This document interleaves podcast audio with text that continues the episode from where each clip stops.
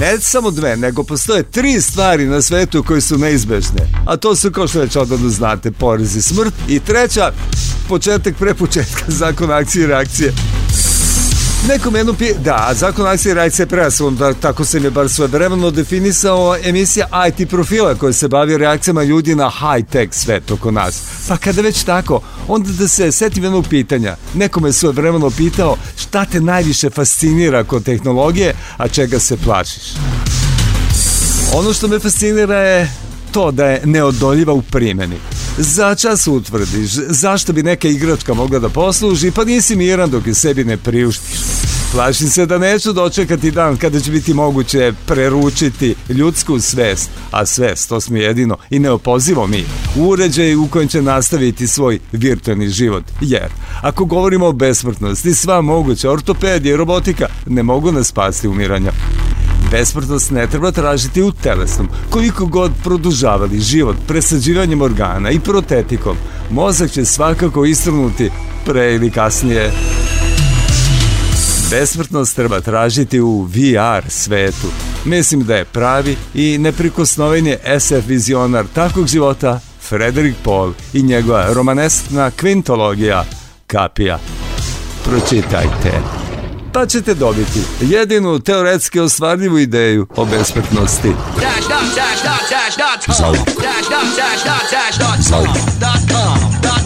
Ovo je emisija Zakon akcije i reakcije, reakcija na ljude i high-tech svet. Tako nas. Šta se dešava sa vašim pismom na internetu kada umrete? Mala komplikacija je u tome da, za razliku od frižidera, se vama umire i vaš sajt, vaša email adresa, lozinka i ko zna šta još. Onda biste morali da nosite jedan ranac na leđima od prilike 10 do 15 kg. A to i nije baš tako loš dio. Two hours on the radio, right side of high tech. Moje ime je Zoran Orli, a ovo oko mene je High Tech Svet.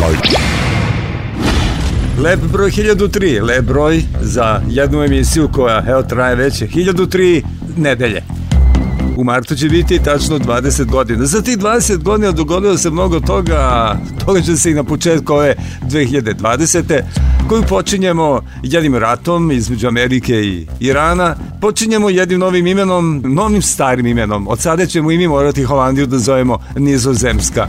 E sada u srpskom, poljskom, rumunskom, grčkom, mađarskom, turskom i još mnogo drugih jezika za državu se isključivo koristio naziv Holandija. U nekim drugim jezicima takav naziv je često bio kolokvijalan. Izvorno Holandija je bilo ime pokrajine koja je danas podeljena na dve zapadne nizozemske pokrajine, od njih ukupno 12, severnu i južnu Holandiju, koja zajedno čina samo 13 od 100 ukupne teritorije nizozemske. Ponekad stanovnici nizozemske koji ne žive u Holandiji, to jest u severnoj i južnoj Holandiji, ne vole kada ljudi zemlju nazivaju Holandijom. Ima tu i razne druge stvari. Prema mišljenju vlade, nadijama Holandija izaziva previše klišeja kao što su klompe, laleve, trenjače i marihuana, a ovo nisu stvari za koje se nizozemska zalaže, tako bar prenose raznorazni mediji. Tako da je od januara ovo ime skinuto sa svih zvaničnih materijala iz marketinga. Ova mera deo je kompletnog rebrendiranja a on će nizozemsku stati 200.000 evra. Što baš i nije preskupo. Više košta kada neka velika ulica u Beogradu promeni ime nego čitava jedna zemlja. Dakle, ovoga puta novu godinu nisu dočekali holanđeni nego nizozemci, ali se Zair i dalje zove Zair. Mislim na ovu emisiju, a imam potpuno pravo na to ime jer se više niko njime ne služi. Odavno, tamo negde od 1997. godine, Zair je Demokratska republika Kongo. A pošto ova emisija nije politička, nego medijska tvorevina, onda šta mi briga. I onako Zair akronim za zakon akcije i reakcije, a pošto su skraćenice dozvoljene, mislim da neće dovesti ni do kakvog političkog problema i zategnutih odnosa između Srbije i četvrte najmnogoljudnije zemlje Afrike. A u današnjem Kongo, e, Zairu, imali smo na početku, pre početka, pa reći o tehnološkim i VR fascinacijama, a onda u nastavku kolumna u komercu, Obrazovni TV programi nekad i sad, o višku samopouzdanja i manjku znanja u društvu, sećanje na Davida Belamija, boleti ili ne boleti pitanje sad, pet tehnologije koje nam stižu u 2020. Novogodišnje odluke koje ne ili menjaju život. Dr. Mauro Ferrari u intervju za Ljiljanu Ilić o duhu služenja dobrobiti zajednice. Srećan narod, neobični slučaj Benjamina Kojime, Galaxy S11, Netflix i konkurencija, novi Apple patent, punjenje električnih automobila, radna grupa za razvoj veštačke inteligencije, robotske replike pravih ljudi, veštačka inteligencija kao žiljo portrete, Windows 10 i prvi problemi sa njim u novoj godini. Za sve to su odgovorni mnogi ljudi, žene i deca, između ostalih i Dejan Ristanović, Igor Il, Srđe Janković, Ivan Trajković, Jovana Bu, Rekord, Mauro Ferrari i Ljiljana Ilić, Markus Maki, Miodrag Kuzmanović, Zoran Modli, Zoran Modli, pa ja sam odgovorni. Svesno preuzimam sve rizike koje donosi narednih sati 40 minuta. U zakonu akcije reakcije. Ovoga puta sa zapanjujuće velikim rednim brojem... 1, 2, 3, 4, 5, 6, 7, 8, 9, 10, pa sve do... 1000! 1003? Hoćete da kažete 1000 plus 3? Malo sam vas izmasirao u prošloj i pretprošloj emisiji s mojim pevanjem najpre uz Webmaster Band, što bi se rekli pesmu In Zaire, In Zaire, a u prošloj emisiji s pevanjem uz Queen i moj tekst da ne kažem moju verziju za Radio Gaga, zbog čega se Freddie Mercury dan danas prevrće. Ovoga puta nešto mnogo ozbiljnije. Dakle, moj prvi, prvi pevački poduhvat uh, u produkciji Bore Đorđevića, da, kojim je nagovorio 1970, mislim da bila 74. godina, da nešto i otpevam uz njegov blagoslov i njegovu kompoziciju i tekst. Pa evo, sa tog singla, zaista smo izdali singl ploču za produkciju ploča RTB. Pesme Na putu za Stambol uz ono neponovljivo.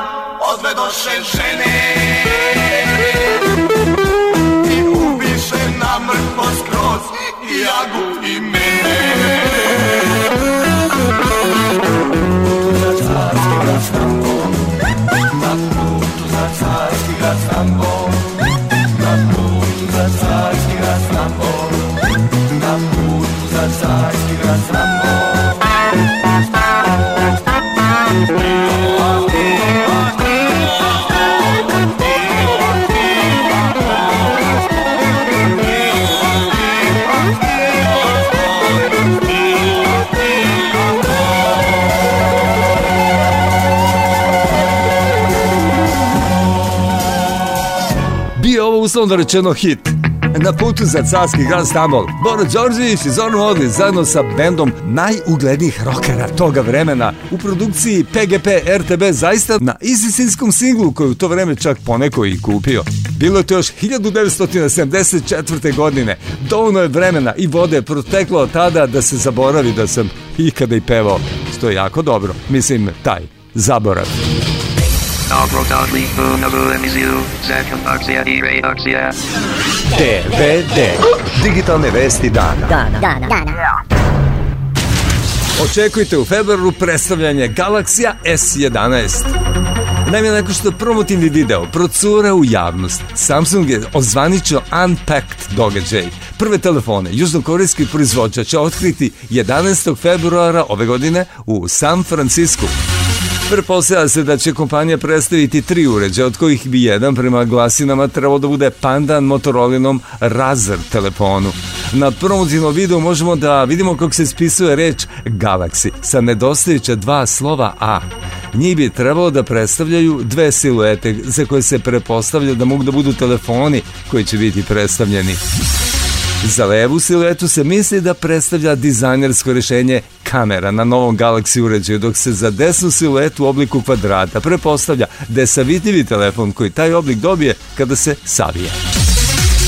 Iako je profit na globalnom nivou Samsunga pao, u branši pametnih telefona uz uspešne Galaxy Note 10 i A serije je u porast. Dobro pozicioniranje nove S serije bi dodatno pomoglo Samsungu u tome.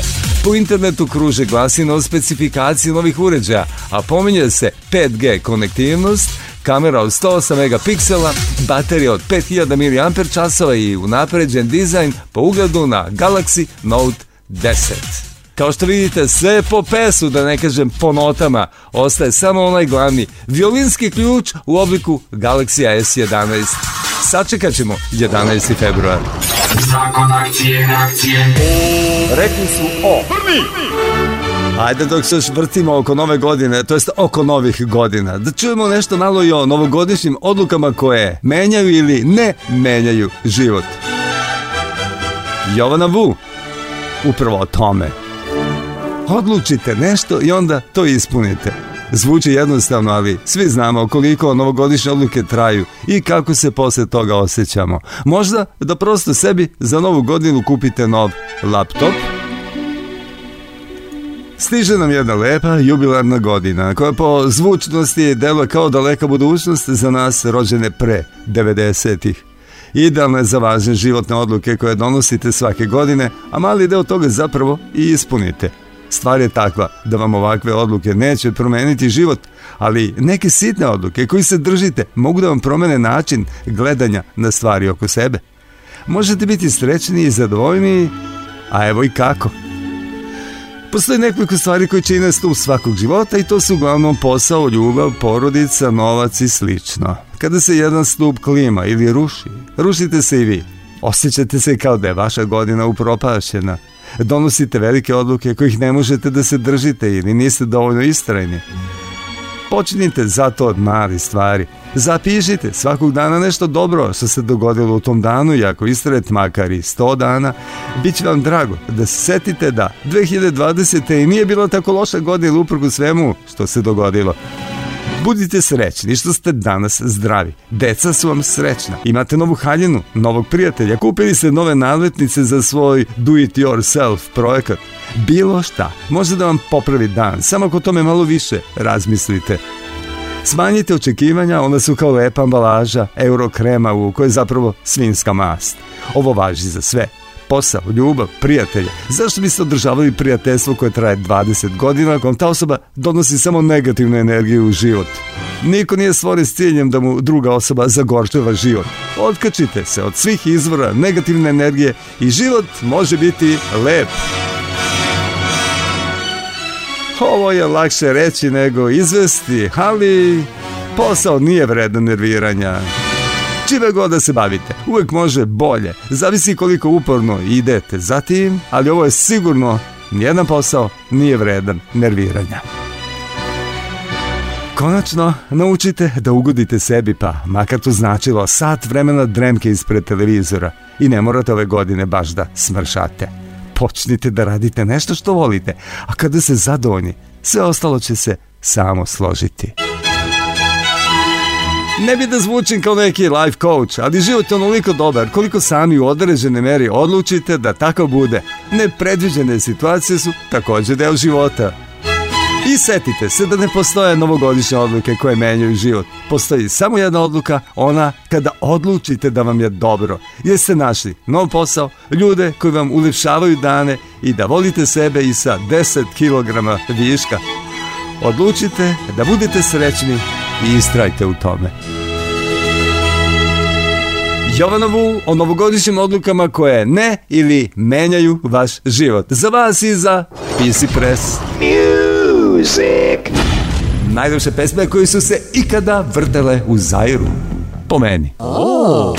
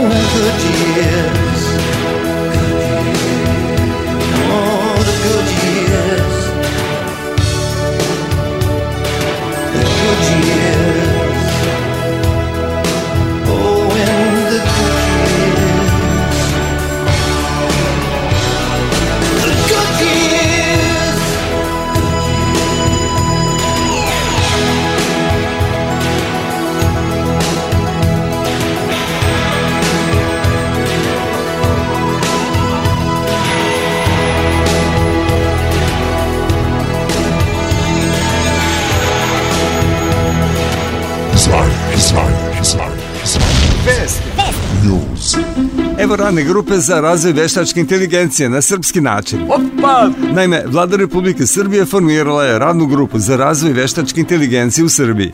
Zadatak te radne grupe je da izradi nacrt strategije razvoja veštačke inteligencije u Republici Srbiji za period od 2020. do 2025. godine. Opet petogodišnji plan. U ovoj petoljetki strategije treba da se obuhvate prioritetne politike sa akcentom na razvoj veštačke inteligencije u obrazovanju, istraživanju, inovacijama, državnoj upravi i privredi. U radnoj grupi je 46 ličnosti iz sfera nauke, prosvete, privrede i IT kompanija. Radna grupa ima rok od 3 meseca da izradi nacrt strategije član radne grupe, državni sekretar u Ministarstvu prosvete, nauke i tehnološkog razvoja, profesor dr. Vladimir Popović kaže da postoji ideja o osnivanju centara u Beogradu i Novom Sadu u kojima bi se radilo na razvoju i primjeni veštačke inteligencije. Mislim da je okay i da je sasvim prirodno što uskačemo u ovaj voz veštačke inteligencije. Ipak je to svetski trend. Close your eyes if you want it. You got a real knack for inspiring confidence, you know that? Tema bez problema. Tema emisije, zakon akcije i reakcije. Znate šta? O nauci i istraživanju razmišljam da uvijek moraju da služe društvu i mislim da je to suštinski deo onoga što nauka i istraživanje jesu. Čak i najabstraktnije istraživanja bavljenja najsofisticiranijim i obskurnim temama kao što su ljudska duša, ljudski duh, ljudsko znanje. Sve to je deo pionirskog putovanja nas kao ljudske vrste rekao između ostalog Mauro Ferrari, istraživač iz oblasti nanomedicine, u intervju za časopis za promociju nauke Elementi, intervju koju je sa njim vodila Ljiljana Ilić. Dr. Mauro Ferrari koji u januaru 2020. godine preuzima funkciju predsjednika Evropskog istraživačkog saveta bio je gost Beograda u julu 2019. Tom prilikom predsjednik Srpske akademije nauke i umetnosti Vladimir Kostić uručio mu je povelju o njegovom prijemu u članstvo SANU. Dr. Ferrari je jedan od osnivača nanomedicine, a radio između ostalog i kao profesor na Univerzitetu St. Thomas Houston, Texas kao i na Univerzitetu Kalifornija Berkeley. U ekskluzivnom intervju u Centru za promociju nauke, dr. Ferrari govori o svojoj karijeri u oblasti nanomedicine, kao i o društvenoj vrednosti nauke i izazovima koje nosi funkcija predsedavajućeg Evropskog istraživačkog saveta ERC. Biće i tekako zanimljivo čuti deo CV-a profesora Maura Ferrarija u makar ovom najširem odgovoru na pitanje koje mu je ispred Centra za promociju nauke postavila Ljiljana Ilić. Karijeru ste započeli kao matematičar. Oblast kom ste se bavili bila je matematika primenjena u fizici. Jedan ste od pionira, osnivača nanomedicine, čemu se iskreno divimo. Da li biste mogli da podelite sa nama neke od najznačajnijih trenutaka u vašoj karijeri? Šta vas je vodilo do tačke u kojoj ste sada? Hvala na pitanju. Nisam siguran da uopšte postoje neki izuzetni trenuci u mojoj karijeri. Srećan sam kada mislim o sebi kao nekome ko služi društvu, ko dugi period svog života služi bolesnima od kancera i nastavljam time da se bavim. Mislim da je privilegija sama po sebi biti u prilici da služiš, pomažeš, ako imaš tu sreću da stvaraš okolnosti koje će dovesti do promene. To daje smisao našem sobstvenom životu. Dakle, mi najviše dobijamo u tom procesu, tako da sebe smatram veoma srećnim što sam imao priliku da služim i to u velikom broju sjajnih institucija. A sada, od januara 2020. godine započinjem sa radom u Evropskom istraživačkom centru na novoj poziciji kao predsednik. Zapravo, pre matematike bilo je mnogo tokova u mojoj karijeri u kojima nisam uspeo. Nisam uspeo u košarci, nije mi uspela karijera u muzici, dve ili tri karijere u muzici zapravo. Započeo sam studij astronomije, ni to nije uspelo. A onda sam prešao na matematiku sa planom da idem i predem u srednjim školama i to je bio moj iskreni cilj. A onda se desilo malo čudo i profesor sa kalifornijskog Berkleya je video nešto u meni i rekao dođi kod nas i provedi neko vreme sa nama na Univerzitetu Kalifornija i napiši doktorsku tezu sa nama. Pa su našli malo para i onda sam ostao na Berkleyu, završio sam to i ostao kao doktorand. Onda su mi rekli, mi imamo novac za doktorske studije, ali ne za matematiku i fiziku, a niko više ne studira evoluciju galaksije. Imamo pare za mašinskog inženjera, za bavljanje matematikom, ali u oblasti mašinstva. I onda sam ja rekao, mašinski inženjer, pa to sam od uvijek želeo da radim. I onda sam završio doktorat. Do tog vremena sam već bio oženjen i imao troje dece. I onda je došao dekan Berkleya i rekao, slušaj, Možda imamo posao za tebe, ali ne kao mašinskog inženjera, ni u matematici, ni u astronomiji. A ja sam pitao, po čemu onda reći? A on je rekao, to je pozicija podeljena na inženjerstvo i nauku. A ja sam rekao, moj životni san. I dobio sam te poslove i nastavio da radim i bio vrlo srećan što sam mogao da učim nove stvari. I dobio sam profesuru i pomislio da sam se smirio u životu, da ću ostati na Berkliju do kraja života. To je sjajna ustanova. A onda smo doživjeli privatnu tragediju i to je preusmerilo moje interesovanje ka radu na kanceru. A imao sam mnogo alata iz oblasti koje sam izučio u drugim poljima i počeo sam da se pitam da li ovo može da pomogne da da neku novu dimenziju u borbi protiv raka. I onda sam počeo mnogo da učim, da studiram i sarađujem sa fantastičnim ljudima koji su znali stvari koje mi nismo znali. I onda smo prešli u medikom, u oblast koja još nije postojala. Rak i nanotehnologija. Oni su se vremenom razvili i onda sam imao privilegiju da radim u Nacionalnom institutu za kancer. Kada je sastavljen nacionalni program, moj posao je bio da ga osmislim i nađem način da ga artikulišem u javnosti i rukovodstvu Nacionalnog instituta za kancer. To je donalo veliki broj novih lekova u klinike i veoma sam srećan što se to dogodilo. I znate, život se nastavlja pa sam se vratio u akademske krugove kao profesor na medicinskom fakultetu Univerzitetu u Teksasu i u Centru za kancer koji je broj jedan u Sjedinjenim američkim državama. Onda sam dobio sjajnu ponudu da postanem predsednik i izvršni direktor u Houstonskom metodističkom istraživačkom institutu, da oformim istraživački institut i nastavim sa svojim naučnim radom. I posle desete godina, od kojih sam sedam godina radio i kao izvršni predsednik metodističke bolnice, jedne od najboljih bolnica u svetu, penzionisao sam se. Sad sam spreman za novi izazov, a to je preuzimanje ove izuzetne odgovornosti da služim Evropskom istraživačkom centru. Znate, zapravo nauci i istraživanju razmišljam da uvek moraju da služe društvu. I mislim da je to suštinski deo onoga što nauka i istraživanje jesu čak i najabstraktnije istraživanja, bavljenje najsofisticiranijim i obskurnim temama, kao što su ljudska duša, ljudski duh, ljudsko znanje. Sve to deo je pionirskog putovanja nas kao ljudske vrste. A i više od toga, iz istraživanja nastanu izuzeti materijali koji donose dobrobit svetu u oblasti zdravlja, u borbi protiv siromaštva i nejednakosti u svetu, u borbi protiv zagađenja, u izazovima koji prete našem okruženju, Kada gledate na velike probleme, ljudske vrste u ovom trenutku, a možda i oduje kroz istoriju, postoji naučna strategija koja je ključna za odgovore na ove izazove. I čineći to i radeći na tome i strasti za nauku, to je sjajno, jer ako možeš to da radiš i strasti za nauku, uz duh služenja, dobrobiti zajednice, to donosi veliku radost. Da bi na kraju dr. Mauro Ferrari, istraživač oblasti nanomedicine, u intervju koje je dao Ljiljan Ilić i za Centar za promociju nauke rekao Taj duh radosti zbog služenja dobrobiti zajednice unosim u sve što radim.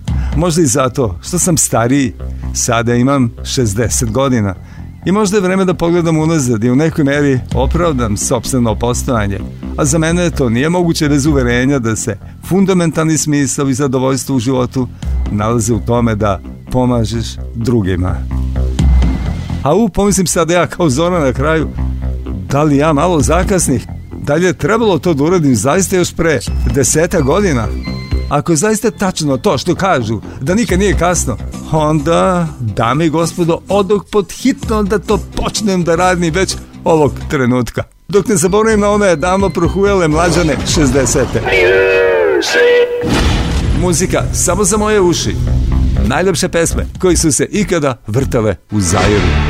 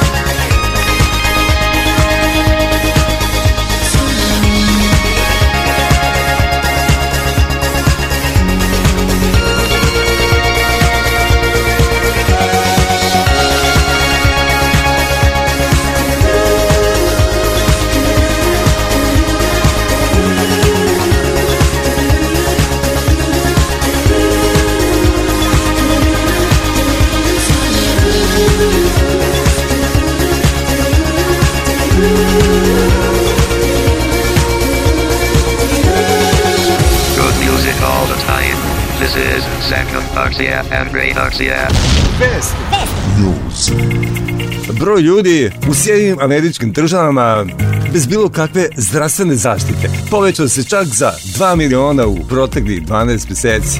Američka vlasti veruju da oko 30 miliona građana nema ovu vrstu osiguranja. Affordable Care Act program, poznati kao Obamacare, nije uspeo da dođe do najsiromašnijih slojeva stanovništva. Takođe, cene mnogih medikamenata i terapija skočile su između 14 i 27 od 100 od 2018. godine. Nije redak slučaj da u ruralnim krajevima SAD humanitarne organizacije organizuju besplatne lekarske preglede za ljude koji inače ne bi mogli da priušte odlazak kod lekara.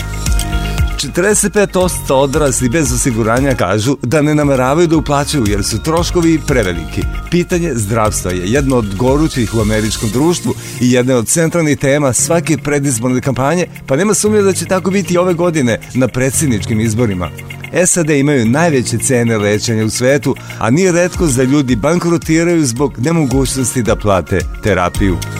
Seća se da smo pre nekoliko godina pričali o odlasku mnogih Amerikanaca na Kubu gde dobiju potpuno besplatan zdravstveni tretman. To najčešće rade Amerikanci koji stanu na južnim obodima Sjedinjenih američke država, ostali se snalaze kako znaju, odnosno ne snalaze. A tema zdravstvenog osiguranja dalje ostaje gorući problem savremenog kapitalizma, naročito ovog na američki način, što je u ovom liberalnom kapitalizmu na evropski način ili sockapitalizmu na severnoevropski način mnogo manje, a u nekim zemljama čak i nepostojeći problem. Znam da o tome mnogo govori Markus Maki u svojim prilozima, a njegovo stanovište mislim da se mnogima ne bi dopalo, ali sa gledišta na kojem je trenutno današnji svet uređen. Ovo je zimsko izdanje Zakona akcije i reakcije. Markus Mak je danas u Zakonu akcije i reakcije sa svojim novim postom. A zašto bih uopšte čitao stare? Novi post pod naslovom Srećan narod. Na čošku poznate ulice, kaže Markus. Svaki dan stave čelovac u trenerci u patikama sa zlatnim kajlama oko vrata. Ponekad bi se pojavila neka njegova mušterija. Dok bi se rukovali, ona bi mu dala i pozamašnu količinu papirnih novčanica.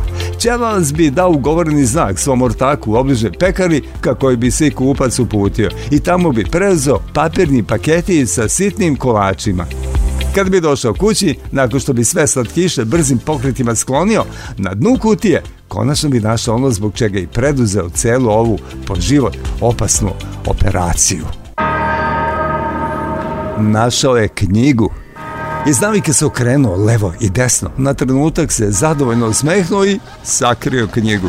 Nikad se ne zna, možda će žena, a naročito deca da ga cinkare, a onda ode glava kroz prozor sobe u kojoj je uz čašu mleka proslavljao svoju uspešnu kupovinu, dopirao je glas preko megafona sa kombija koga vozio opštinski glasnik.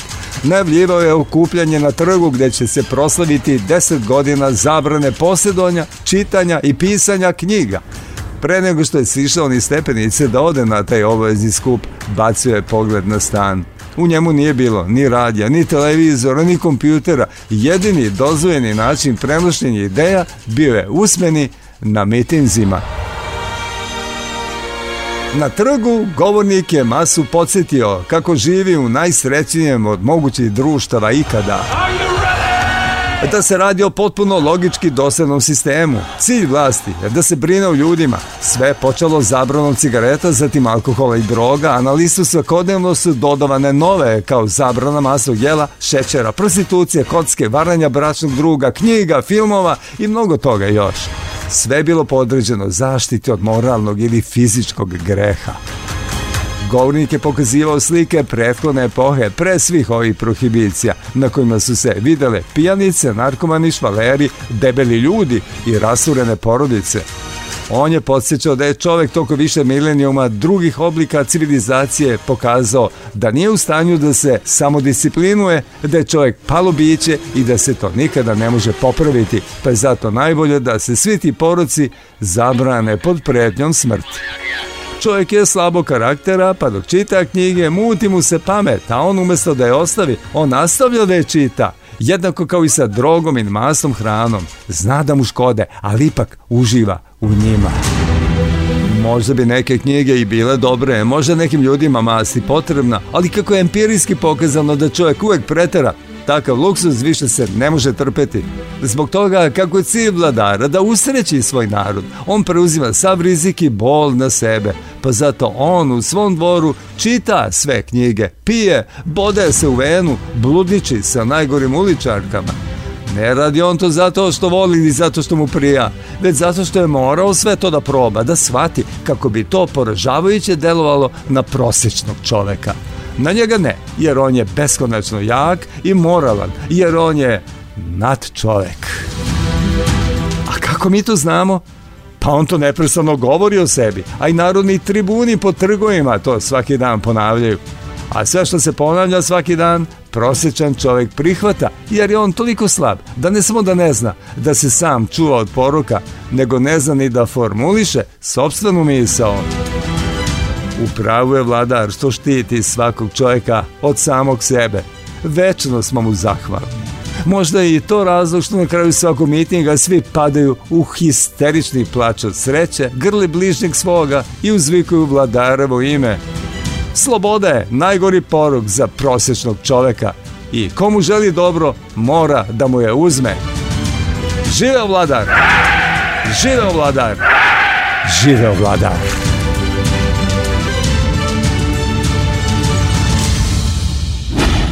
Najljepše pesme koje su se ikada vrdele u Zairu. Po meni. Oh.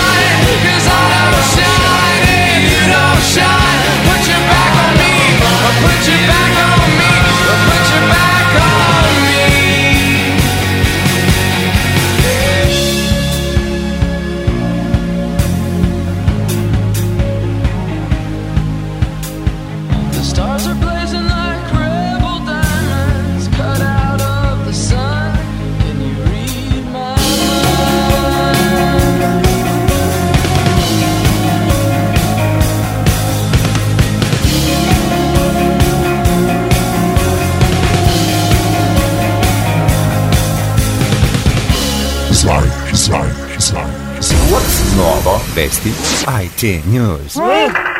Šta biste rekli na i šta biste dali za pravu repliku samog sebe? Pa sad ne bih mogao da kažem ovako određeno i ovo. E pa ruska kompanija Promobot prodaje autonomne robote, a klijenti mogu da dobiju mehaničke replike koji su njihova slika i prilike ili pa kopija nekog drugog ljudskog bića.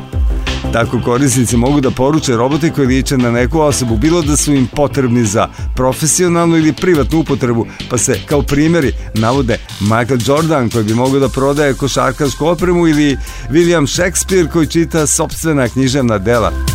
Trenutna varijanta Robo C ne može da hoda, ali vrat i torzo imaju određenu slobodu pokreta, dok lice ima 18 pokretljivih delova, što robotu omogućava da promeni čak 600 mikroekspresija. Pored toga, sistem veštačke inteligencije nudi 100.000 govornih modula, pa i glas može da se približi onome kako stvarna osoba zvuči.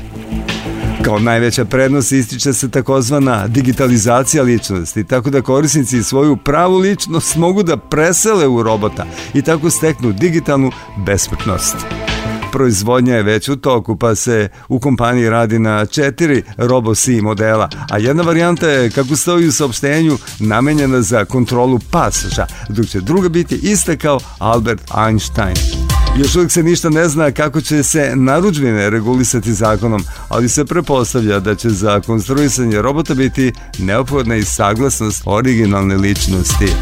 Naravno, autorska, bilo kuda, autorska prava svuda, pa i u svetu robotizovanja vaših idola, svetskih celebritija ili ljudi iz okoline koji su vam dragi, a od onih koji mrzite, verovatno nećete ni tražiti dozvolu. Mogu samo da prepostavim šta ćete im raditi kada se dočepate njihovog robotskog lika. Good evening, Dave. Everything's running smoothly, and you?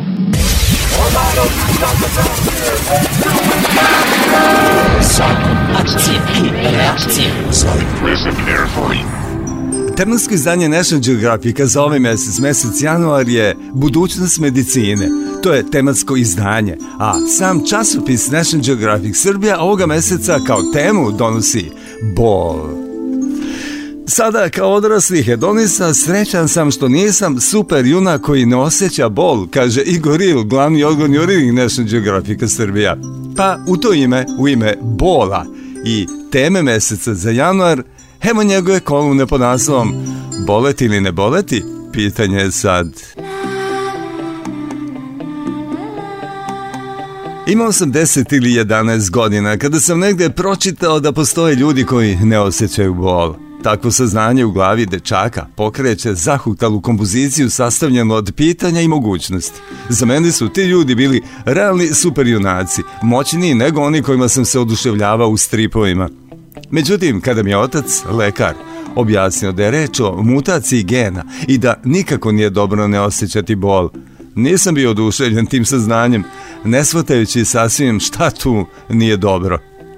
Paradoksalno, dobrobit bola leži u tome što nam ukazuje na to da nešto u organizmu ne funkcioniše kako bi trebalo i predstavlja deo urođene težnje da izbegavamo štetne situacije kao i da štitimo povređene delove.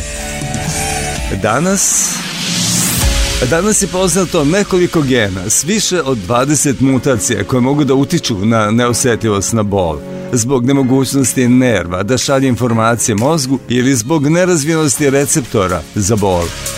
Sada, kao odrasli hedonista, srećan sam što nisam super junak koji ne osjeća bol, jer mogu da uživam u jednoj specifičnoj vrsti bola, koju najčešće izjednačamo sa ukusom. Reč je o ljutoj hrani, odnosno ljutim papričicama. Mi, koji volimo ljuto, uživamo na skali od pikantno pa sve do suze mi same teku. Ali američki farmaceut Wilbur Scoville papričicama je uzeo meru u nizu testova tokom 1912. godine i dao nam precizniju sliku koju danas znamo kao Scovillovu skalu, prema kojoj oko 16 Scovilla predstavlja početak ljutine.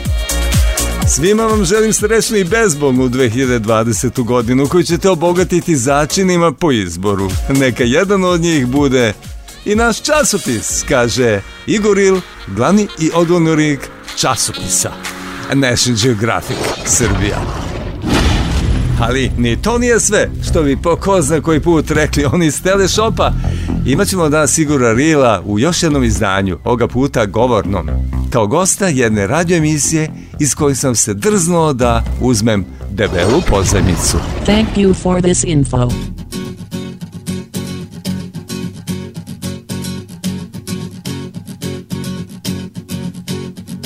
U sto na tri noge bez i jednog čavla.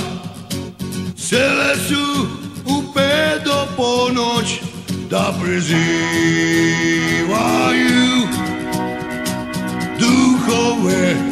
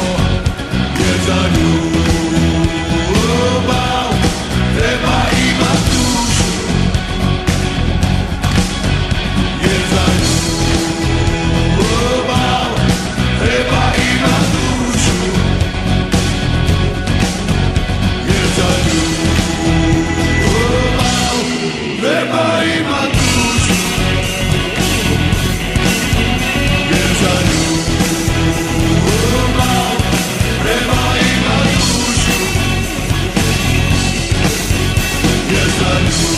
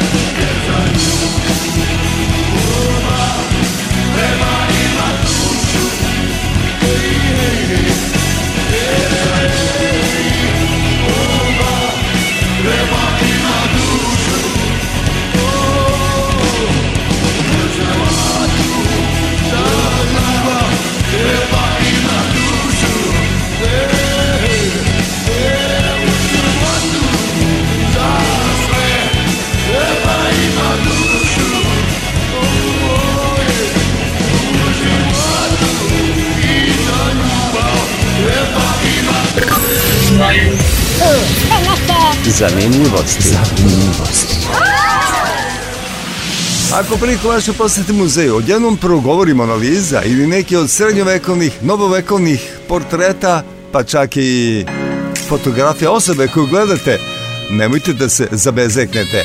Veštačka inteligencija oživljava i portrete. Veštačka inteligencija u stanju da sama nauči da igra šah, da komponuje muziku ili da prepozna ljudska lica i pokrete u grupi od nekoliko hiljada. Uz pomoć naprednih algoritama i računarskog učenja, računari sada mogu i da ožive neke od najpoznatijih portreta čuvenih slikara. Naime, istraživači su razvili novu metodu nazvanu FSL, Few Shots Learning, koja je u stanju da sa samo nekoliko fotografija, portreta na slici iz nekoliko uglova nauči računarski algoritam. Računar je onda u stanju da proizvede prilično realističan video snimak kako bi ta osoba razgledala, ne, ne, izgledala u stvarnom svetu sa izrazima lica i osjećanjima. Ova tehnologija nije korista samo u svetu umetnosti. Slične tehnike se mogu koristiti u medicini za rekonstrukciju lica sumnjivih osoba, pa čak će u budućnosti biti moguće učitati prave osobe u računarski 3D prostor, a virtualna osoba bi se ponašala kao i ona prava. Sećam se, da, pa eto, ono što rekao na početku, da je tako uživali monolize na jednoj od tih fascinantnih prezentacija ove tehnike u onom beta obliku. A sad očekujemo i njena alfa, da ne kažem gama, delta i ostala izdanja, pa da vidimo da li ćemo biti zadovoljni njenom mimikom govora, a jednog dana možda i govorom tela. Zakon akcije i reakcije. Šat. Pozajmica. Pozajmica. Sa drugih frekvencija. Danas će u ovoj pozivnici Srđe Janković i njegov gost Igor Ril da razgovaraju o Davidu Bellamiju. Mislim, David Bellamy je pola.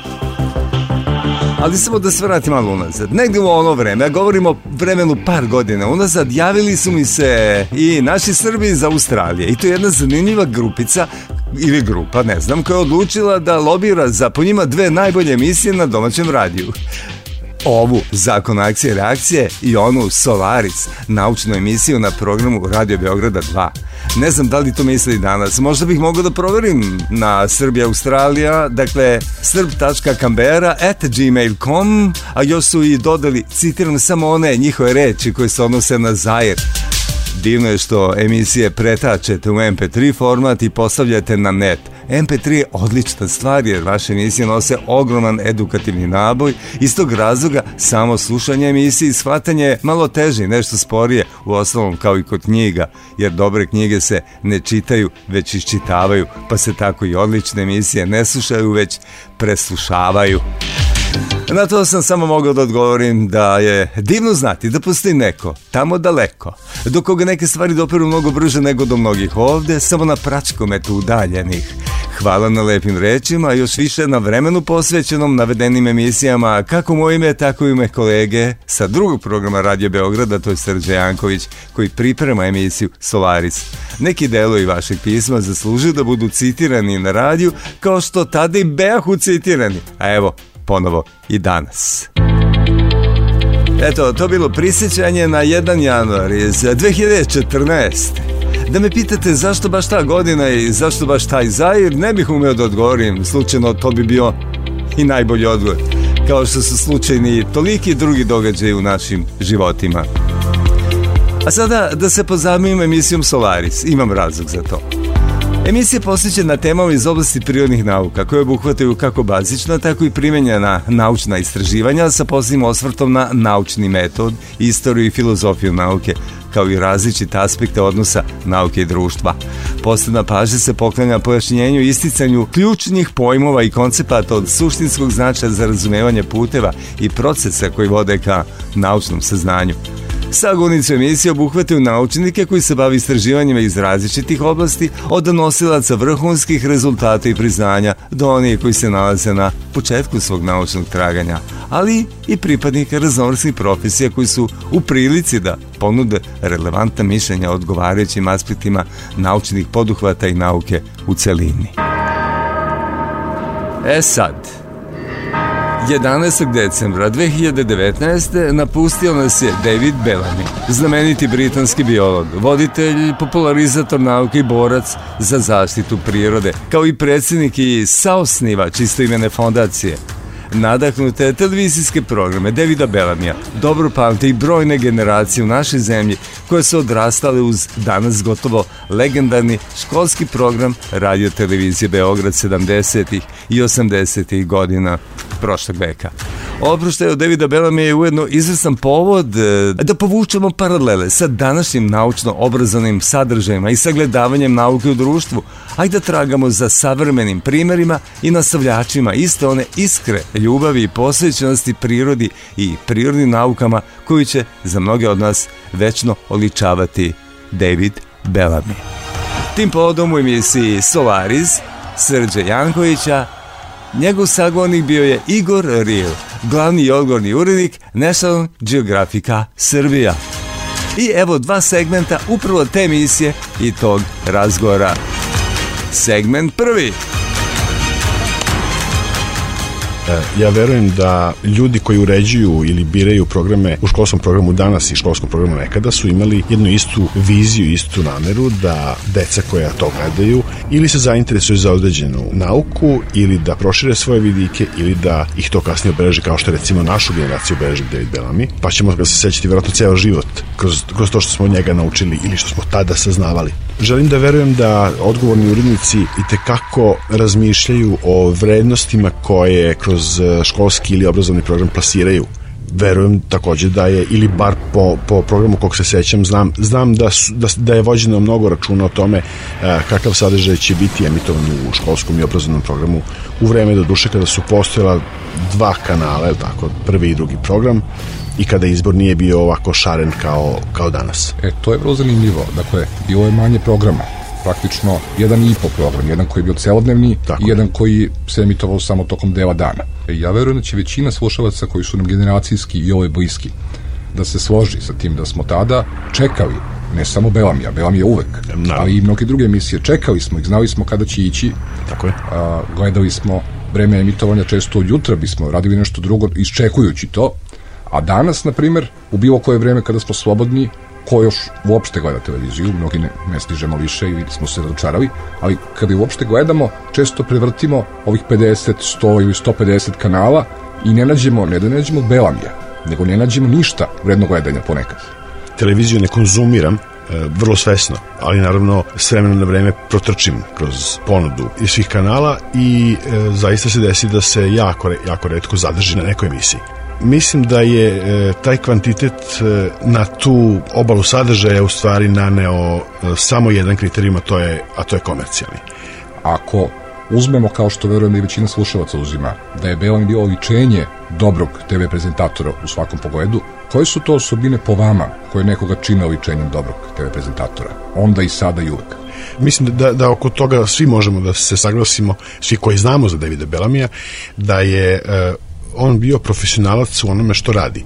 Što ne podrazumijeva da je umeo da se slika ispred kamere i da se ponaša ispred kamere, nego da je znao ono, da se razume ono o čemu govori. Dakle, nije bio svaštar, bio je botaničar, odnosno biolog pa botaničar i samim tim bavio se temama koje su njegovom obrazovanju i njegove ličnosti bliske no, sada naravno kad je preminuo na društvenim mrežama se, e, su se pojavili neki e, neki su bili lamenti, neki su bili in memorijami on e, jed, samo jedan deo mozaika koji smo imali u ponudi. Setimo se emisije recimo za učenje jezika koja se zvala Follow Me koja se otprilike u isto vreme emitovala u, u okviru školskog programa. Neki su bile u 8 ujutru, neki u 10 onda ne pitajte mene gde su naučnici odgovarali na različita pitanja. Uključujući ponekad i samog Belamija. Tako je, I, i koji je bio između ostalih i prezenter u opstanku, ne, a ne samo u, u The Botanical Man. Ja čak mislim da opstanak možda broj jedan, kad se sećamo školskog programa, možda najtoplije sećanje. Ona špica sa divljom guskom koja leti. Da, ja i dan danas pamtim čak i onaj logotip, onaj Anglija film, da. koji je e, produkcijska kuća u kojoj je rađen opstanak. Konjanik sa zastavom. Tako je. I danas e, sam pročitao negde da je opstanak e, počeo se emitovanje, boga mi, davne 1961. godine i da je neki 40 godina imao vrlo, vrlo stabilnu produkciju, što uopšte nije, nije malo, mislim da je to ogroman poduhvat. Srđe Janković, urednik, voditelj emisije Solaris Radio Beograda 2 i njegov gost Igor Il razgovaraju o Davidu Belamiju i vremenu nekadašnjih i današnjih obrazovnih programa na domaćoj televiziji. Uskoro i drugi deo ove priče. And now... Great music for a great city. Najviše pesme koje su se ikada vrtele u Zairu. Po meni. Oh.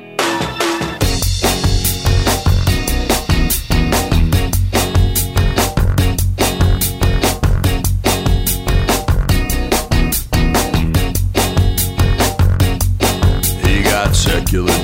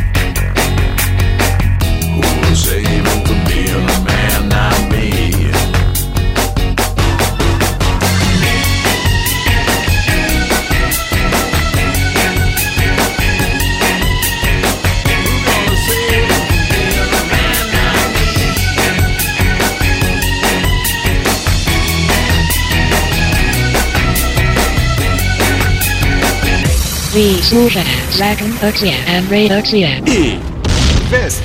News. Sledi balada o Netflixu pod naslovom Netflix i konkurencija. Godina velikih gubitaka. Netflix bi ove godine mogao da se suoči sa najvećim izazovima od kada se otisnu na put ka streaming dominaciji, pa neki eksperti predviđaju da bi do kraja 2020. mogao da ostane bez čak 16 miliona pretplatnika. Tome su naravno doprineli konkurentski servisi koji su se pojavili krajem 2019. A na prvom mestu Disney Plus koji se pojavio u novembru. Iz Netflixa tvrde da nema razloga za brigu budući da se aktivno radi na tome da 160 miliona korisnika širom sveta svakodnevno dobija sadržaj koji drže pažnju. Uprkos tome, sve više oni koji ističu da razloga za brigu ima, a posebno zbog toga što je Disney Plus stigao sa sadržima koji su prethodno već privlačili veliki broj gledalaca, poput serija o junacima iz Marvel univerzuma, Pixar animiranih filmova, te serija kao što je Grey's Anatomy. Tu je i povoljna cena mesečne pretplate koja je skoro za polovinu jeftinija od one koju nudi Netflix.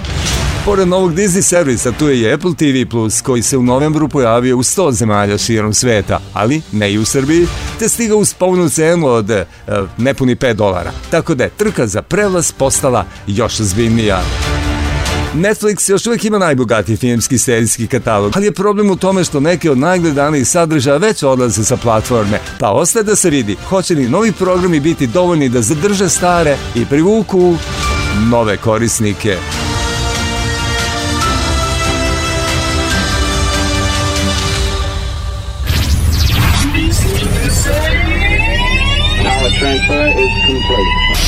I dalje slušate Zair koji nastavlja temu emisije. A sada ponovno da vas podsjetim da je 11. decembra umro David Bellamy, znameniti britanski biolog, voditelj, popularizator nauke i borac za zaštitu prirode, kao i predsjednik i saosnivač istimene fondacije. Brojne generacije pamte nadahnute televizijske programe Davida Bellamija. U našoj zemlji odrastale su uz danas gotovo legendarni školski program radio televizije Beograd 70. i 80. Oproštaj Davida Bellamija bio izvestan povod da se povuku paralele sa današnjim naučno-obrazovnim sadržajem i sagledavanjem nauke u društvu, a sagornik Srđe Jankovića, urednika i voditelja emisije Solaris Radio Beograda 2, bio je Igor Ril, glavni i urednik magazina National Geographic Srbija. E, ja u National Geographicu, u časopisu National Geographic živim svoj dečački san. E, Kao i ja u emisiji Solaris, to moram da kažem e, sada pa da. i pred slušalcima. Naravno, a, a nije zgore reći da, da su emisija Solaris i srpsko izdanje National Geographica u stvari vršnjaci. Praktično 2006. godine Tako jedno je. i drugo je otpočeo. Tako je. I ne treba da zaboravimo uh, Dejana Đurovića koji je davao glas opstanku. Mislim da niko od nas i ne može da ga zaboravi. Ne može, ali, ali moramo da ga pomenemo. Apsolutno. Ali ono što je meni možda ostavio najjači utisak povodom Davida Bela mi je njegova strast, njegova toplina sa kojom je govorio o prirodi, ljubav koju une u sve to. Ja u, u časopisu koji uređujem volim da kažem da je to e, štampanje opstanak vrlo, vrlo često. Ako, ne, ako nekom treba da opišem iz moje generacije šta ja to radim, kažem da se bavim štampanim opstankom, odnosno kombinacijom, kombinacijom svih tih e, sadržaja koje smo malo prepominjali. Ko je odrastao uz opstanak, teško da je i jedna reč više potrebna. Da, treba reći da je, da je i Belami bio aktivista u smislu da se i on nalazio u prvim redovima ponekad protesta, da se dešavalo čak i da se konfrontira sa policijom, braneći da. neke ekosisteme koji su bili ugroženi, neki je odbranio, neke nije odbranio. Naravno, veliki čovek može u nečemu da ne bude u pravu i da ostane veliki čovek. Dakle, moramo da razvijemo njegovo uh, delo njegovog privatnog života. I na, na kraju krajeva uh, njegov privatni život se nas i ne tiče. Jel? On je svojim privatnim životom uh, delovao u jednoj manjoj sredini u svojoj zemlji, što može da bude i vid ekscentričnosti, možda i ironije, možda, možda nekog sarkastičnog poteza, da bi ne znam, ne znam šta kome dokazao. Mislim, legitimno je i umanjivati antropogene uticaje na globalno zagrevanje. Mislim, legitimno u naučnom, u naučnom smislu, jer će se pojaviti dokazi koji će takav stav da opovrgnu. Nažalost, bilo bi mnogo lepše da je Bela mi u pravu, ja bih to lično mnogo voleo. Da, pa da. A, a, i za sve nas bi bilo divno, ali dokazi koje iznosi svetska zajednica koja ima to ovoga ni pošto nisu e, trivialni, neozbiljni, sakupljeni su decenijama, vrlo ozbiljno analizirani i bojim se da tu vrlo teško možemo da, da opovrgnemo da čovek utiče na Da, snaga tih argumenta leži u tome što ne potiču iz jednog izvora, nego upravo iz više izvora je postinut e, konsenzus o toj činjenici i, i mislim da tu e, spora nema niti, niti ga može biti ali naravno to ne umanjuje pravo da se vodi debata, niti neko treba Absolutno. da bude izložen Absolutno. kritici samo zato što je imao drugačije mišljenje. Naravno. Ali upravo nedostatak opšteg obrazovanja u jednom društvu dovodi do pojave pa mogu da kažem i do masovne pojave ljudi, kako se to zove, e, Dunning-Krugerov efekat e, sa, sa viškom e, samopouzdanja i manjkom znanja. Da, to je onaj efekat što neko manje zna, više je ubeđen da zna. Više je ubeđen da zna. To se inače I... zove u žargonu analitičara kognitivne psihologije i gnoseologije, zove se Dunning-Krugerov efekat. Da. Zato smatram e, i u svakom svom javnom nastupu, pa i ne samo u javnom, govorim o značaju obrazovanja, odnosno o temeljima na kojima će jedno društvo kasnije da se gradi kad imate obrazovanu populaciju, mislim da je onda napredak u svakom smislu skoro pa izvestan. Bar, bar u onom delu koji se tiče samog tog društva. Mi smo odrasli, većina nas koji smo se radovali belavim emisijama opstanku u školskom programu, odrasli smo sa jednom možda i naivnom idejom da više debate, kvalitetne debate, na duži rok mora da dovede do toga da se iskristaviš ono što je dobro.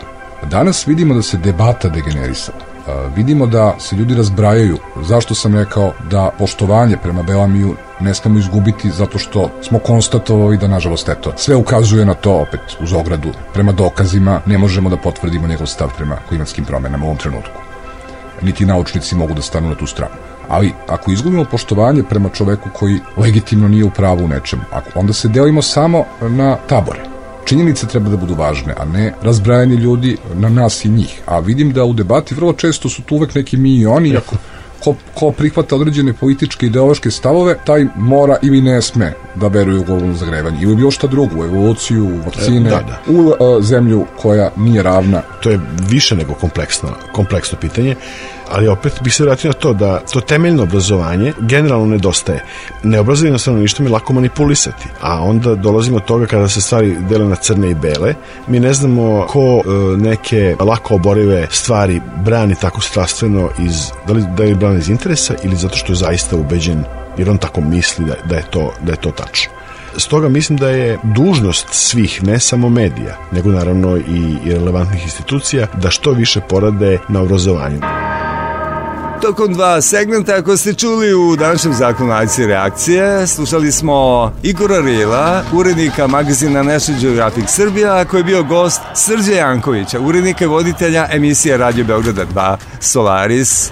Povod je bio odlazak zauvek Davida Bellamija, znamenitog britanskog biologa, voditelja, popularizatora nauke i borca za zaštitu prirode, uz čije su nadahnute televizijske programe odrastale brojne generacije i u našoj zemlji, sećajući se danas gotovo legendarnog školskog programa Radio Televizije Beograd 70. i 80. godina prošlog veka. And now... Najljepša muzika svih vremena.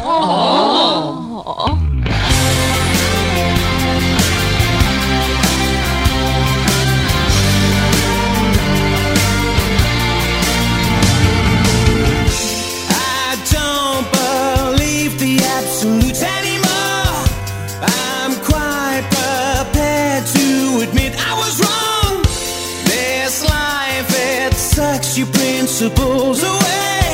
You have to fight against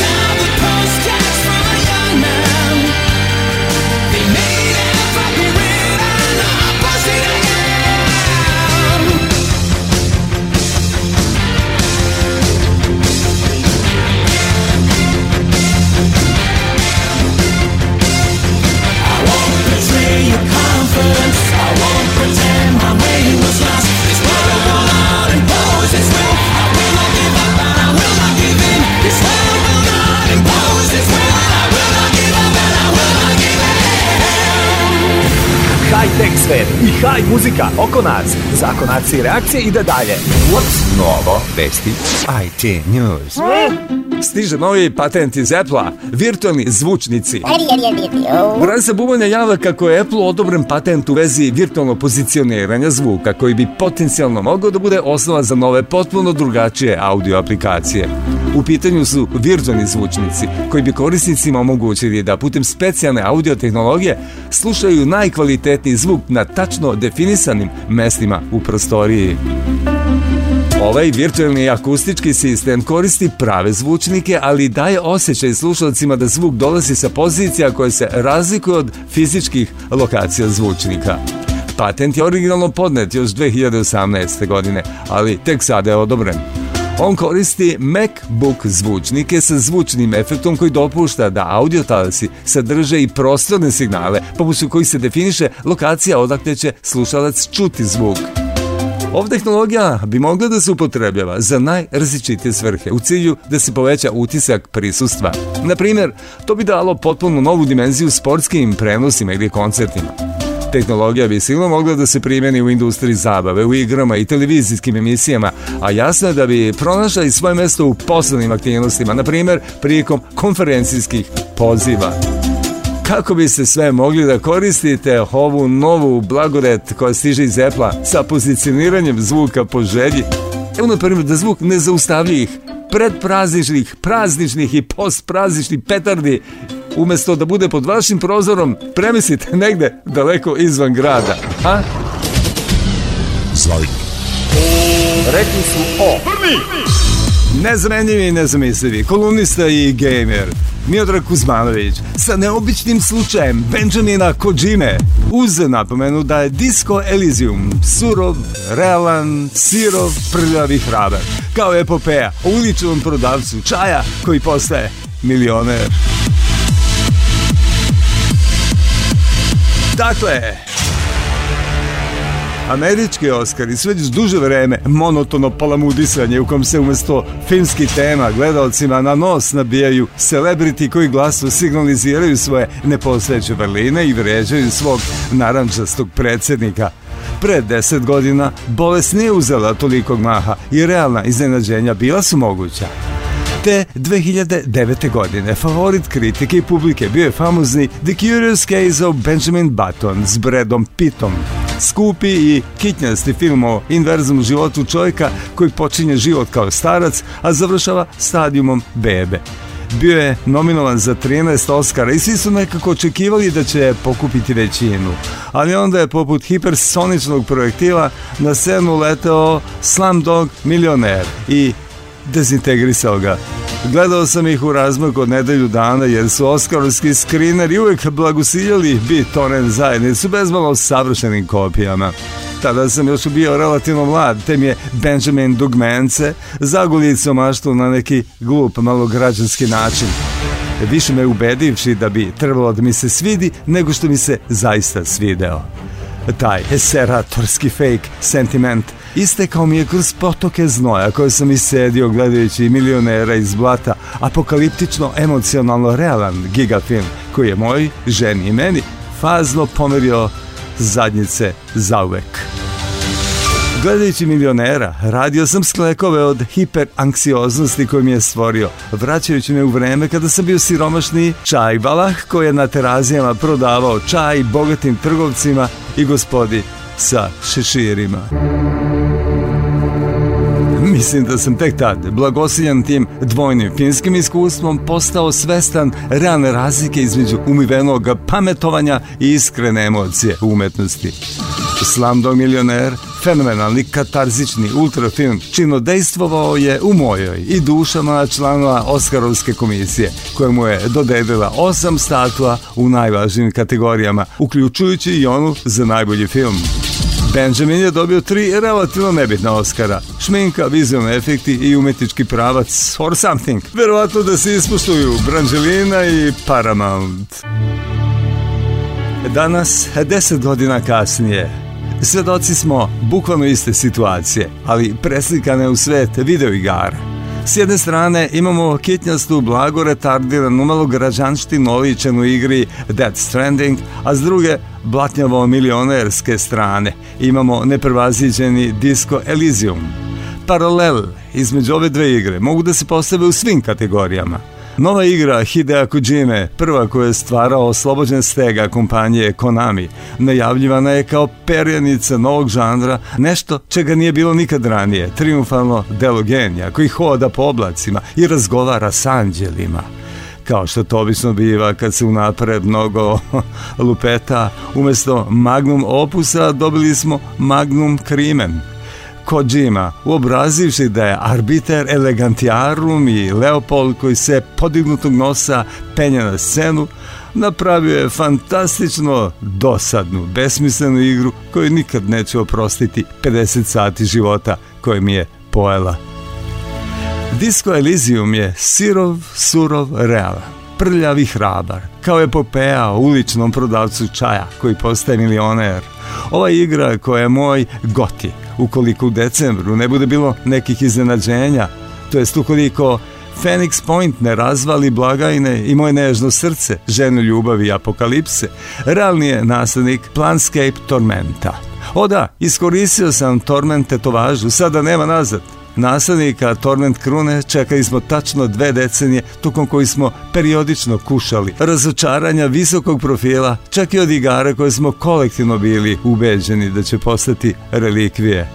Torment, Tides of Numenera, gledam u tebe s tugom razočaranog deteta koje je saznalo da mu je otac bio u domobranima. Iskreno mi je žao što gaming nema jedinstvenu pozornicu gde bi ove dve igre mogle da se suoče. Neki imaginarni ring u kojem bi Death Stranding bio nokautiran u prvoj rundi od strane pijanog inspektora kog je izmeštao pisac iz Estonije, a Hideo Kojimi stavljeno do znanja da bi trebalo da prestane da nas mrči u mozak i da krene da hvata beleške. Igrački svet je jedna velika, relativno mlada konfederacija u kojoj nijedna struktura niti organizacija nije dovoljno respektabilna da bi se mogla smatrati Američkom akademijom za filmsku umetnost i nauku. Kao zajednica nismo u stanju da dodelimo nagradu koja ima težinu kao Oscar i prvi put mi je zaista žal zbog toga. Miodrag Kuzmanović Kuzma u svojoj kolumni za sveto kompjuteraše i za Irce. Good music all the time in your favorite podcast, Second. Let's sing it together. Now.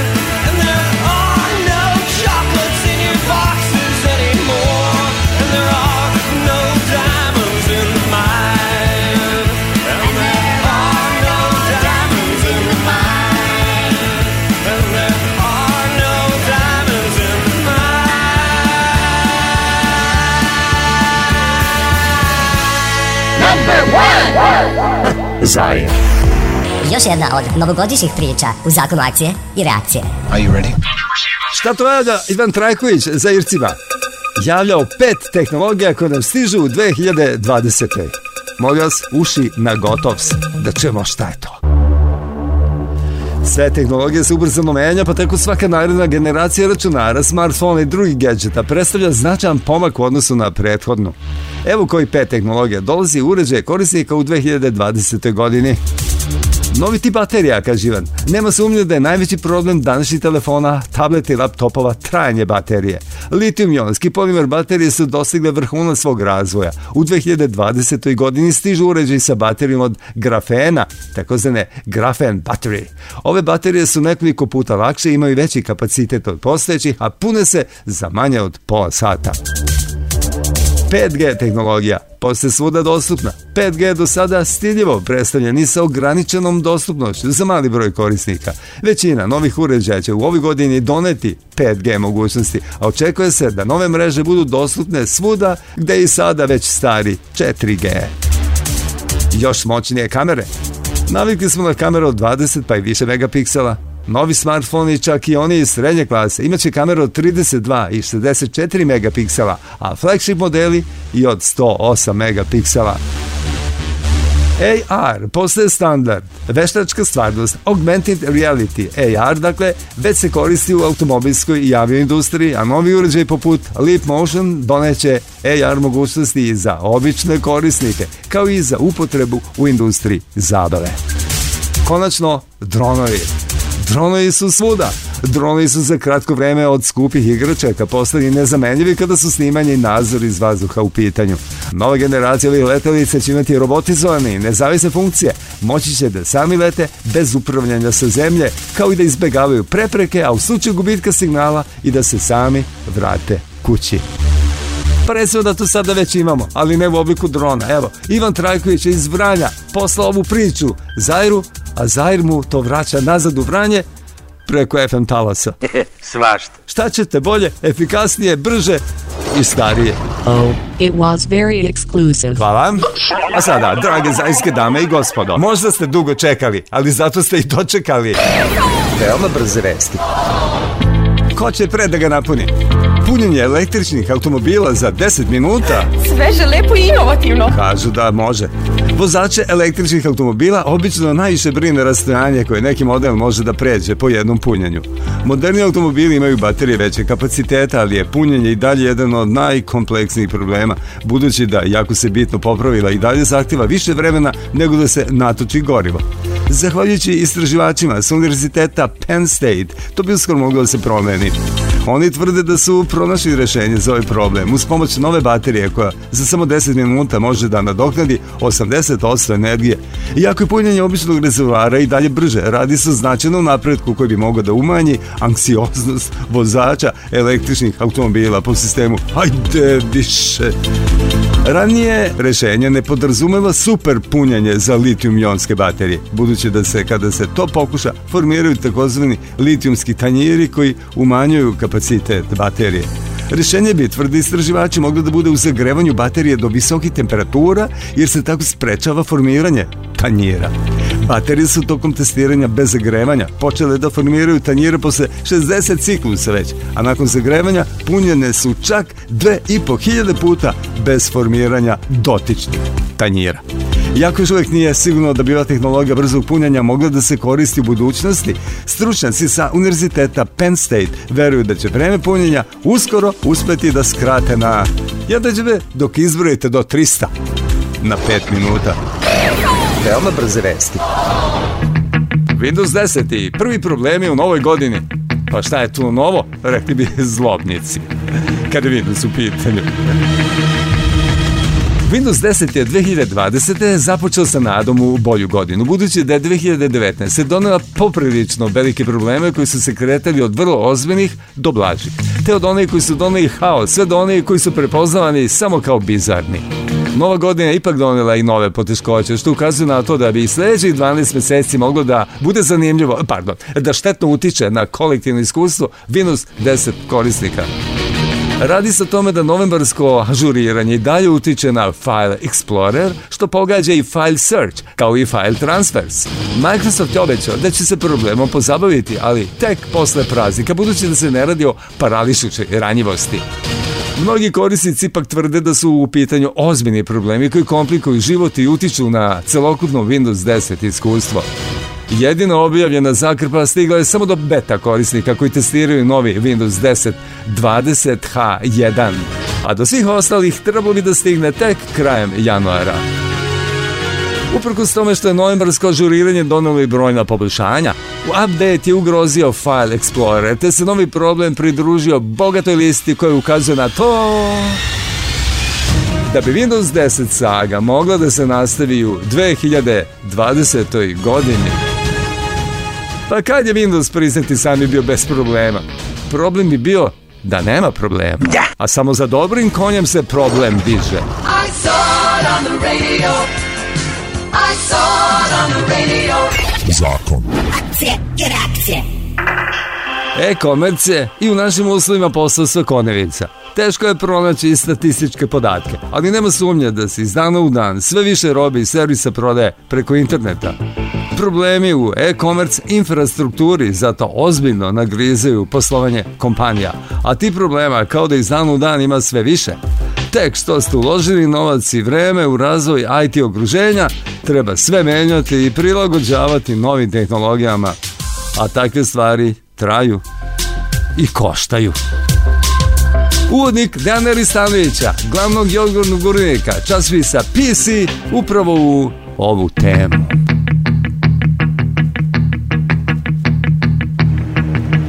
Jedan naš kolega već godinama impresionira okolinu tako što u prodavnicama plaća račune prinoseći mobilni telefon POS terminalu. Reakcija svakog gika je, wow, koja banka omogućava da se NFC pod sistem telefona veže sa tekućim računom? A koja su dosta i objašnjenja, sledi kise osme, kao i uvek kada mađioničar otkrije kako se izvodi neki trik. Zato pravi mađioničari to i ne rade. Kolega je umetnuo klasičnu Visa Pay Wave karticu između telefona i zaštitnih leđa. Dobro, danas neke banke omogućavaju da zaista plaćate telefonom tako da mađiončarski trikovi nisu neophodni. Ali se postavlja pitanje zašto je bilo potrebno da prođe toliko vremena da bi se implementirao servis koji na dalekom istoku funkcioniše već godinama. Zašto ga i dalje ne nude sve domaće banke? Kada se radi sa novcem, Prvi prioritet je bezbednost i zato su finansijske institucije veoma nerade da menjaju nešto što kako tako funkcioniše. Iko može da kaže da nisu u pravu. Novembar je obeležila odluka jedne od najvećih domaćih banaka da promeni svoju IT platformu. Zgodno su izabrali produženi vikend kada se obeležava dan primjerja. I sledećih nedelja su društvene mreže prepune lamenta o problemima na koje korisnice nailaze, a ne želim ni da zamišljam kako je službi podrške te banke. A onda je e-banking za sve firme koje se slanjuju na Halcom servis prestao da radi. Posle jednakog hausa ispostavilo se da je servis onesposobio KB 44841XX update za Microsoft Office. Pošto deinstalirate taj update, e-banking proradi, a vama ostaje da se pitate za kakve ste napade time otvorili svoj sistem. Umeđu vremenu, Microsoft je izdao zakrpu ove zakrpe KB 3085 368, pa onda i zakrpu zakrpine zakrpe KB 44844198. Mi koji se godinama bavimo računarima, možda za sve to imamo neko razumevanje, ali je za obične korisnike čitav sled događaja nešto nepojmljivo. Osjećaju se kao da se nad njima sprovodi teror na koji pristaju samo zato što nemaju nikakvu alternativu. Mislim, neće baš nositi potpisane virmane u banku. E-commerce danas sastoji od čitavog niza komplikovanih lejera bezbednosti od kojih je svaki zasnovan na raznim tehnologijama, a međusobna saradnja tih tehnologija je pod velikim znakom pitanja. I najmanji problem će srušiti čitav sistem, pošto su tvorci smatrali da je bolje biti bezbedan. Ako postoji sumnja, seci, Nijedna domaća finansijska institucija nema informatičku ekipu sposobnu da taj sistem u potpunosti raščlani i razume i zato se svi oslanjaju na nekakve biblioteke i softverske dodatke koji su setivi na najmanje poremećaje.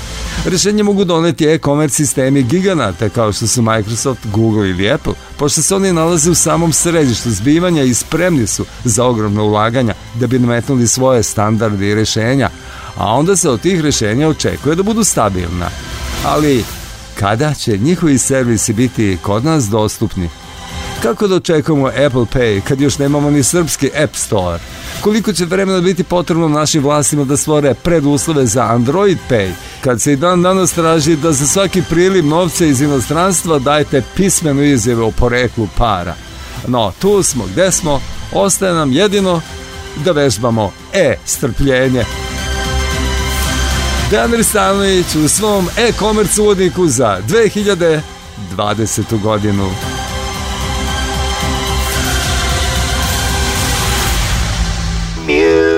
Music. Najljepše pesme koje su se ikada vrtele u Zairu. Po meni. Oh.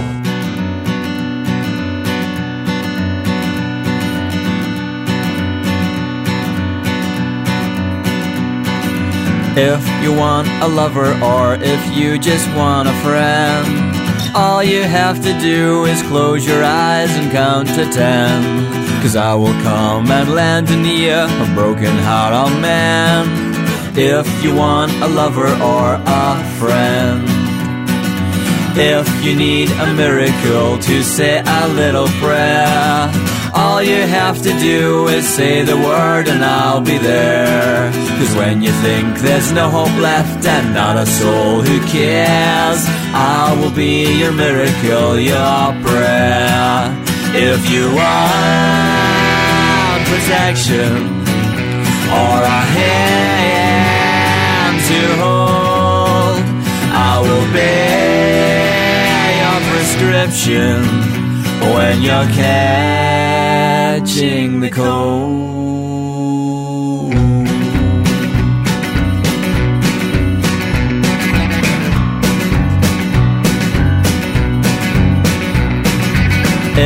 Feeling lonesome, if you're feeling all alone, I will be the voice that you hear on that telephone. Telling you you're beautiful and telling you you're dear. No misinterpretation, I'll be clear. If you want a lover or if you just want a friend, all you have to do is close your eyes to ten. Cause I will come and lend an ear, a broken heart of man. If you want a lover or a friend, if you want protection or a hand to hold, I will be your prescription when you're catching the cold.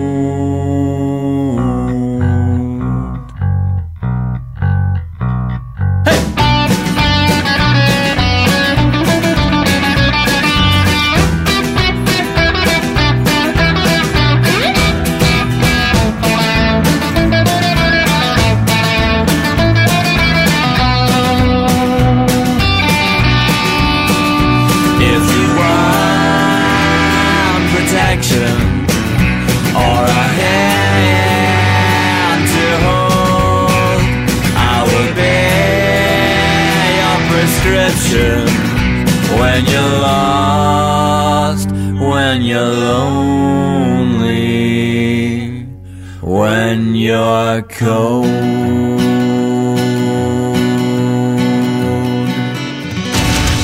Završimo sve ono što se danas do ovog trenutka zvalo zakon akcije i reakcije, a što će se i dalje zvati tako. Ili još kraće, Zair. Za razliku od Demokratske republike Kongo koja to nije još od 1997. godine, mislim Zair. Rekao sam to neće dovesti ni do kakvih političkih implikacija između Srbije i DR Kongoa jer su se odrekli tog imena, a ja sam ga uzeo kao akronim za nešto što nije politička nego medijska tvorevina. Za razliku od ove emisije koje ne menja ime, od nove godine Holandija više nije Holandija nego je Nizozemska, a u mom niskom pogledu na ono što se događalo u današnjem Zajru mogu da vam kažem da smo imali Dejana Ristanovića, Igora Rila, Srži Jankovića, Ivana Trajkovića, Jovanovu, Maura Ferrarija, Ljiljanu Ilić, Markusa Makija, Miodraga Kuzmanovića. U nizu tema, kolumni tu i tamo IT dilema, i gomilu vesti koje ne bi sada ponovo vadio sa džubrešta istorije. Ovo je bio zakon akcije reakcije danas, ali ne i sledeći put sa rednim brojem 1, 2, 3, 4, 5, 6, 7, 8, 9, pa sve do 1000. 1003. Hoćete da kažete 1000 plus 3. Nema kraja bez odjave, a ovo je odjava najnovijeg izdanja, naučno-fantastične emisije, zakon akcije i reakcije. Hoću da kažem, ovde ste imali nauku i tehniku plus fantastičnu muziku. Nastavite sada dalje uz radio vašeg života. E, nisi više interesantan, odoć ja tamo. U ime ekipe Zaira pozdravlja vas Zoran Modli, RS. Ćao. Hoću da kažem, dole potpisani radio stvaralac. I čujemo se za 1, 2, 3, 4, 5, 6, 7 dana. That's beautiful. Thank you.